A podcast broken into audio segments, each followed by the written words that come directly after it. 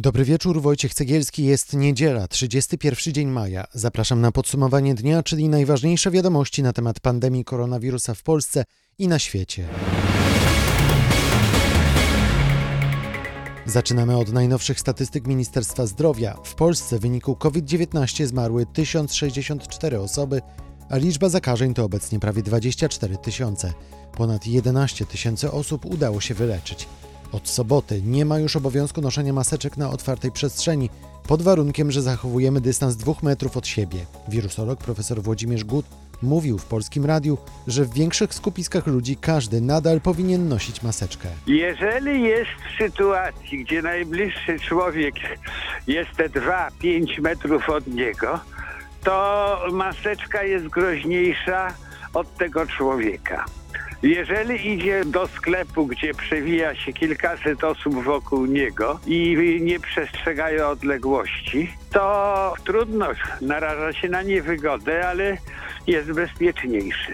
Wolno już także brać udział w weselach i otwarte są restauracje, choć wszędzie obowiązują specjalne zasady zachowania. A od jutra, czyli od poniedziałku, Przywrócone też zostaną krajowe połączenia lotnicze. Aleksander Przoniak. Przywrócenie ruchu lotniczego odbywa się na specjalnych zasadach. Pasażerowie będą musieli zachować szczególne środki ostrożności. Jak mówi szef Urzędu Lotnictwa Cywilnego Piotr Samson, chodzi o cztery główne zasady. Maseczki, dystansowanie się społeczne. Kolejny element to jest dezynfekcja i jeszcze jeden element mierzenie temperatury. Do terminala będą mogły wyjść jedynie osoby, które mają ważny bilet na przelot. Odprowadzający pozostaną na zewnątrz. Jak mówi rzecznik lotniska Piotr Rudzki, pasażerowie muszą liczyć się z kilkoma dodatkowymi procedurami. Po sprawdzeniu biletów, po sprawdzeniu dokumentów będzie miał mierzoną temperaturę. Musi pójść do kontroli bezpieczeństwa, oczywiście cały czas zachowując dystans. Międzynarodowy ruch lotniczy może zostać przywrócony na początku lipca. Najmłodsi będą mogli latem wyjechać na obozy i kolonie, ale na specjalnych zasadach. Ministerstwo Edukacji opublikowało już wytyczne co do organizowania takich właśnie wyjazdów. Katarzyna Ingram. Minister Edukacji Dariusz Piątkowski podczas posiedzenia Sejmowej Komisji Edukacji, Nauki i Młodzieży mówił, że sytuacja epidemiczna się stabilizuje, dlatego będzie możliwość zorganizowania kolonii i obozów. Kuratorzy są w trakcie konkursów i przetargów na organizację letniego wypoczynku, w tym także półkolonii. Podczas wyjazdów ograniczone będą odwiedziny i kontakt z osobami trzecimi, mówi rzeczniczka Ministerstwa Edukacji Anna Ostrowska. Przebywanie na ogólnodostępnych plażach i kąpieliskach powinno być zorganizowane tak, aby ograniczyć bezpośredni kontakt z osobami trzecimi. Podczas zakwaterowania w pokoju będzie obowiązywała zasada 4 m2 na jedną osobę.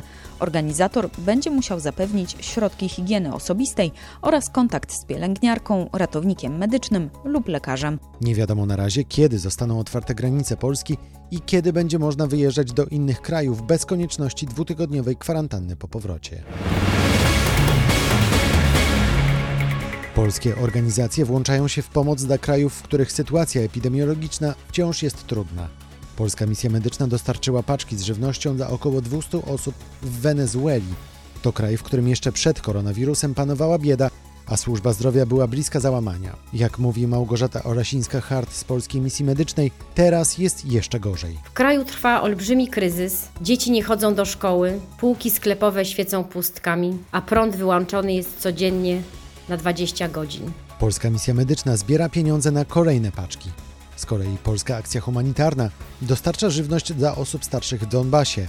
Tam koronawirus niemal odciął wiele miejscowości od świata, a starsi Ukraińcy są bezradni. To są zdecydowanej większości ludzie w podeszłym wieku, często z niepełnosprawnościami, więc dla nich taka paczka oznacza miesiąc bez martwienia się o to, skąd wziąć produkty na kolejny posiłek. Sytuacja jest tam teraz szczególnie trudna, ponieważ zamrożenie transportu lokalnego w zasadzie uniemożliwia nie tylko pobranie emerytury czy pieniędzy z bankomatu, ale też utrudnia skorzystanie z porady lekarza czy dojazdu do szpitala. Mówi Helena Krajewska z Polskiej Akcji Humanitarnej. Ukraińcy mogą też otrzymać od polskiej organizacji pomoc psychologiczną.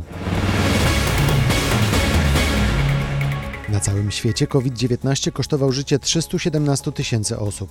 Liczba zakażonych to 6 milionów 200 tysięcy, a wyleczyć udało się 2 miliony 700 tysięcy osób. Najgorzej jest w Stanach Zjednoczonych, gdzie zmarło 105 tysięcy osób. Epicentrum pandemii to Ameryka Południowa, przede wszystkim Brazylia. Tam zmarło ponad 28 tysięcy osób. O szczegółach nasza korespondentka Aleksandra Pluta. Brazylia jest obecnie czwartym państwem na świecie o największej liczbie zgonów spowodowanych COVID-19 za Stanami Zjednoczonymi, Wielką Brytanią i Włochami.